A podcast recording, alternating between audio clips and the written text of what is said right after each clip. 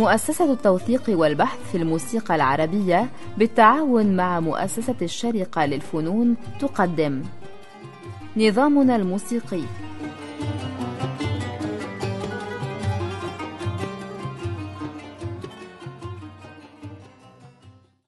مرحبا بكم في حلقة جديدة من برنامج نظامنا الموسيقي. نلتقي فيها مجددا مع الأستاذ مصطفى سعيد وأقدم معه اليوم حلقة عن الحفظ.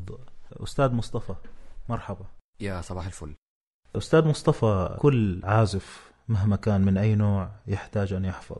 مش بس العازف عازف بقى مغني كل مؤدي كل موسيقي بحاجة لده. نعم هو جزء من التمرين. يعني حتى في أكثر الناس تمسكا بالنوتة الموسيقية التي سحبت من دورها التوثيقي إلى أدوار أخرى وبعضها مفيد وبعضها مبالغ فيه. نجد أن العازفين في كونشيرتو الكمان وآخرين يعزفون بغير نوتة موسيقية وبالتالي حتى في كتاباتهم وحتى في حواراتهم يتحدثون عن أهمية الحفظ. ممكن تعطيني انطباعك عن الحفظ في الأداء؟ هو أنك تحفظ محصول كبير هو جزء من بنيتك كموسيقي يعني أنت حفظت إيه هتنتجه بشكل أو بآخر. فبالتالي ده الزرع اللي بيتحصد فيه البذور هي اللي أنت بتحفظها المحصول اللي انت حتى بيسموه محصول ولما تحصله بعدين بتنتج منه طلع انت منه. فبالتالي كل اللي انت بتحفظه هو اللي انت بتطلعه. إلى جانب إنك إذا أنت عايز تعزف عمل ما إذا كنت حافظه فأنت هتقدر تأوله من جديد تأوله تطلعه بوجهة نظرك أكتر مما إنك بتقرأه. في ناس بريما فيستا وبيقروا كويس بس تخيل إنه إذا أنت حافظ وبتعزف فأنت تركيزك على حاجة واحدة بس على العزف. إذا بتقرأ وبتعزف تركيزك على حاجتين نظرك في القراية والعزف. وفي مشكلة عدم دقة النوت مهما بلغت في نقل ما يعزف. عمر ما النوتة أصل الموسيقى فن مسموع. إزاي هتكتب ما هو مسموع؟ مهما واحد قدر إن هو يوصف لوحة رسمة عمره ما هيقدر يوصفها زي ما هي مرسومة. هذا بخصوص الفن المرئي. الموسيقى فن مسموع مسموع ما هوش ملموس. تكتبه إزاي؟ تكتبه تمام زي الفل هتوصل فكرة عامة. بس بعدين تنفيذ بقى. طيب أفهم من حديثك عن الحصيلة الموسيقية السمعية المحفوظة أو المحصول أن هذا سيساهم في رفع تمكن الشخص من سرعة الحفظ ولا هذا شيء مفترض؟ ما هو أكيد أنت أول ما بتحفظ بتبقى المسألة صعبة وبعدين تبقى طبيعية وفي آليات للحفظ مش مجرد إنك بتسمع وتطبق. طيب قبل الآليات هل فيه أنماط تتكرر في الموسيقى ستساهم في تسهيل الحفظ مع مرور الوقت. طبعا إنك تكون عارف مسار المقام مثلا إنك تكون عارف البنية التفعيلية للجمل إنك تحفظ نماذج صغيرة مثلا زي الدواليب قبل ما تحفظ بشارف. ما ينفعش تقوم فجأة تحفظ تقرر إنك تحفظ سبع دقايق مزيكا وأنت مش متعود تحفظ حتى نص دقيقة لأ شوية شوية. نعم. طيب حدثنا عن آليات الحفظ مصطفى. اولا كما سبق الذكر إنه لازم تحفظ حاجات صغيرة. لازم تكون عارف أنت بتحفظ إيه. بمعنى عارفه مثلا بتحفظ بشرف رست. لازم تكون عارف يعني إيه بشرف؟ يعني إيه رست؟ معنى إنك حفظت نماذج عن هذا المقام قبل كده وعارف البنية التحتية للبشرف إن هو خانة ولازمة وخانة ولازمة وخانة ولازمة وخانة ولازمة. وإنه أحيانا بيكون في بعد كل خانة تسليم يسلم للازمة اللي بتصل الخانات مع بعضها. قبل ما تحفظ العمل أو أنت بتحفظه بتكون عارف هو رايح فين وجه منين. الانتقالات اللي مستنياك. ده من حيث النغم. التفاعيل الموجودة بالنسبة للأعمال الطويلة زي البشارف مثلا أو الموشحات تكون حافظ الأصول. الإيقاع كمان مثلا إذا 28 أو 32 أو 48 مثلا أو 56 أو 64 أو أي أي حتى أو 128 كل هذه الأصول لازم تكون عارفها حافظها. ليه؟ لأنه هي الأصول دي زمان كانت ما يقابل التدوين كانت نوع من إن هما بيفتكروا الجمل عن طريق الأصول. يعني مثلا تا تا تمام؟ هم عارفين هنا في اتنين. تا لا تيرارارارام تمام؟ عارفين إنه هنا في أربعة. تاراريرارا تارارارام عارفين هنا في ستة. يعني تمام؟ اتنين أربعة ستة إلى آخر الأصول ال 28 مثلا. نعم. أو مثلا في المربع.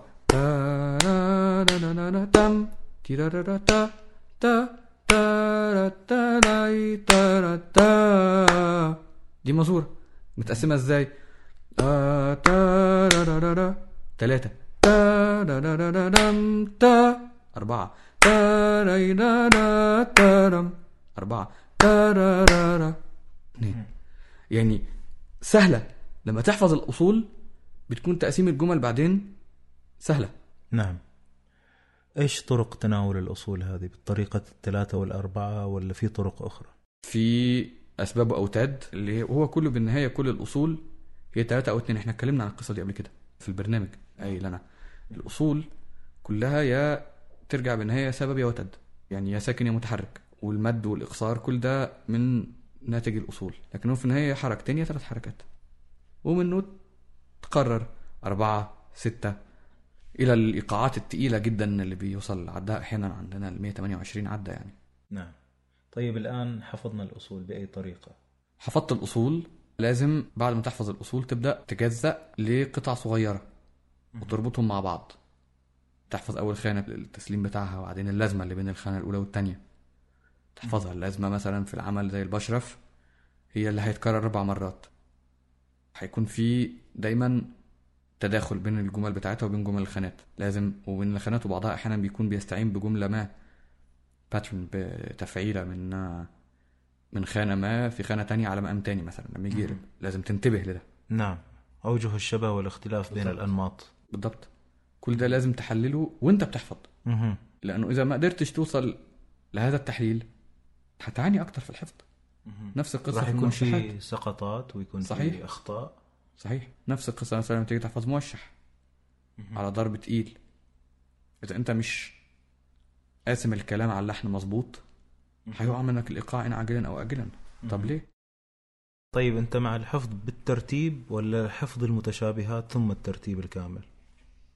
أنا صراحة بحفظ بالترتيب بس هي وجهات نظر مش بالضرورة. بس أنا بحفظ بالترتيب لأنه لما بتحفظ يعني من وجهة أو أنا لاحظت على نفسي إن لما بحفظ بغير ذلك بيكون عندي مثلا مرة قررت إن أنا أحفظ كنت صغير خالص قررت إن أنا أحفظ لازمة قبل الخانة فطلعت مني الخانة الأولى ضعيفة. بينما لما بحفظ بالترتيب خلاص مفيش حاجة هتكون أضعف من حاجة. فبالتالي أنا يعني اللي نجح معايا أنا هو الحفظ بالترتيب بس ده لا يعني إنه هو هو برضه العقل البشري مختلف من شخص لآخر. ممكن واحد تاني يقول لا أنا أفضل أحفظ اللازمة الأول وبعدين أحفظ آه، الخانات. واحد تاني يقول لا أنا أفضل أشوف الجمل المتشابهة في اللزم والخانات عاملة إزاي وأخدها وأحفظ كل التفاعيل دي وأربطهم مع بعض بعدين. كله كويس. المهم النتيجة يعني. هل عندنا حكايات عن السابقين في الحفظ؟ طبعا. يعني مثلا أشهر حكاية هي الحكاية بتاعت أبو نواس مع أستاذه الخلف. لما قال له إنه كيف أصبح شاعرا؟ قال له اذهب آه، إلى البادية وأجمع عشرة آلاف بيت. الجماعة بمعنى حفظت أحفظ. نعم. قال ففعلت وعدت إليه بعد عام. قال اذهب إلى دير وانسى تلك العشرة. ففعلت. وعجبت. قال له الآن انظم الشعر. فنظمت فكان ما أنا عليه. فهو يقصد أنه أكيد مش قصده أنه هو انسى بمعنى انسى بس أنه خمرهم. بقى هذا معناه أنه الحفظ مهم عشان يكون شخصيتك أنت. أنت هتحصد اللي أنت بتزرعه تمام؟ عندنا قصة الخليفة اللي كان بيحفظ الشعر من أول مرة وحد عنده يبدو واحدة بتحفظ من مرتين وواحد بيحفظ من ثلاث مرات مش عارف إيه. صوته صفير البلبلي إلى آخره. هذا على المستوى العام؟ في الموسيقى مثلا في كتاب الأغاني دايما يقول لك إنه أخذت هذا الصوت عن فلان عن فلان عن فلان. حفظوا يعني بهذه الطريقة. بيقول مثلا إن إن بعض الحافظين لا يحفظون قسمة النغم خير حفظ فيمدون ما يقصر ويقصرون ما يمد. كانوا بيقولوا لنا إزاي تحفظ؟ إنه ما لما تيجي تاخد لحن عن حد لازم تاخده بمدوده بإقصاره علشان ما يكونش عندك مشاكل في قسمة الكلام على اللحن مثلا. وبعدين في بقى وصايا من مدرسين موجودة إزاي تحفظ و... وتاخد لحن إزاي وإنك ما تكونش بغبغان بتقلد تحفظش. كل حلية ما تحفظش العزف ما تحفظش الأسطوانة احفظ اللحن. مثال تفصيلي مثلا من هذا الباب. يعني مثلا إذا سمعنا سماعي بيات التقيل تسجيلين أهم ورات أذن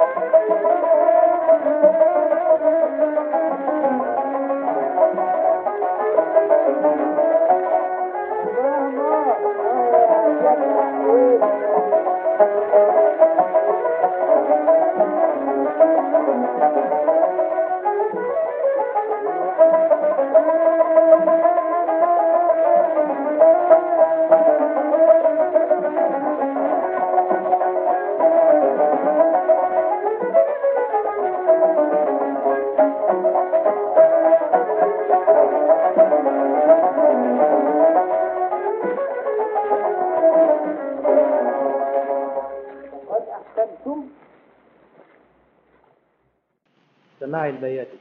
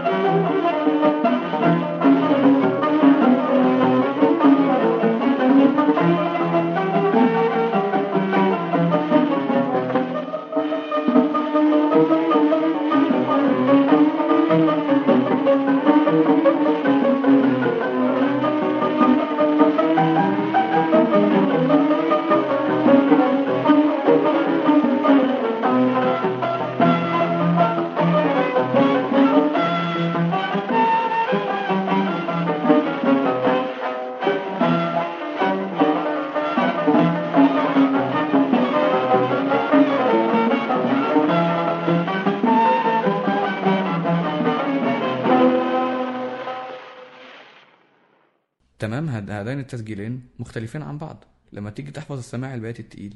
اللي هو القديم. قديم نعم. لما تيجي تحفظه ما تحفظش الاسطوانة احفظ العمل. وكيف نميز ما يحفظ وما يضاف؟ أين مساحة الحفظ والإضافة؟ لا بسيطة. أولا يعني الحليات باينة واختلاف العازفين عن بعضهم باين وما أنا مش مقتنع أبدا بقصة إنه والله ال- أحيانا العزف بيتوه اللحن الأصلي تماما. لا ما, ما حصلتليش القصة دي. اللي مش متعود يسمع آه بيحصل معاه كده. اللي متعود يسمع الفرق المعاصرة اللي بتطبق النوتة كما هي الكتاب من غير تأويل آه دول بيفكروا إنه العزف بيتوه بس. لا لما أنت تتعود هتقدر تستنبط اللحن الأصلي بسهولة مش صعبة مش صعبة ابدا.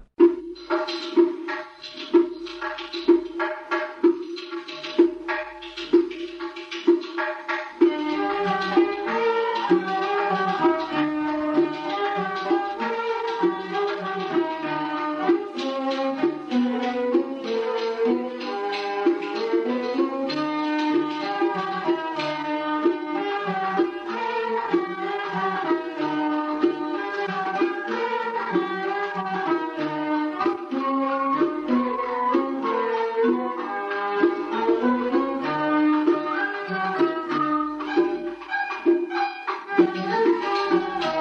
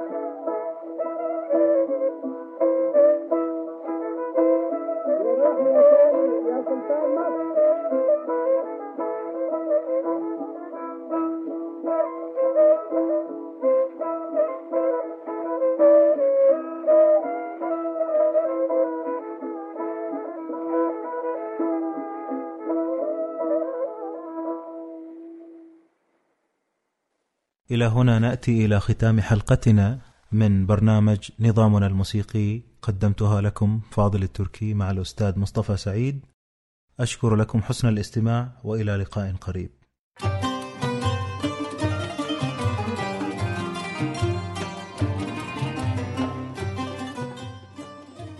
نظامنا الموسيقي برنامج من إعداد مصطفى سعيد.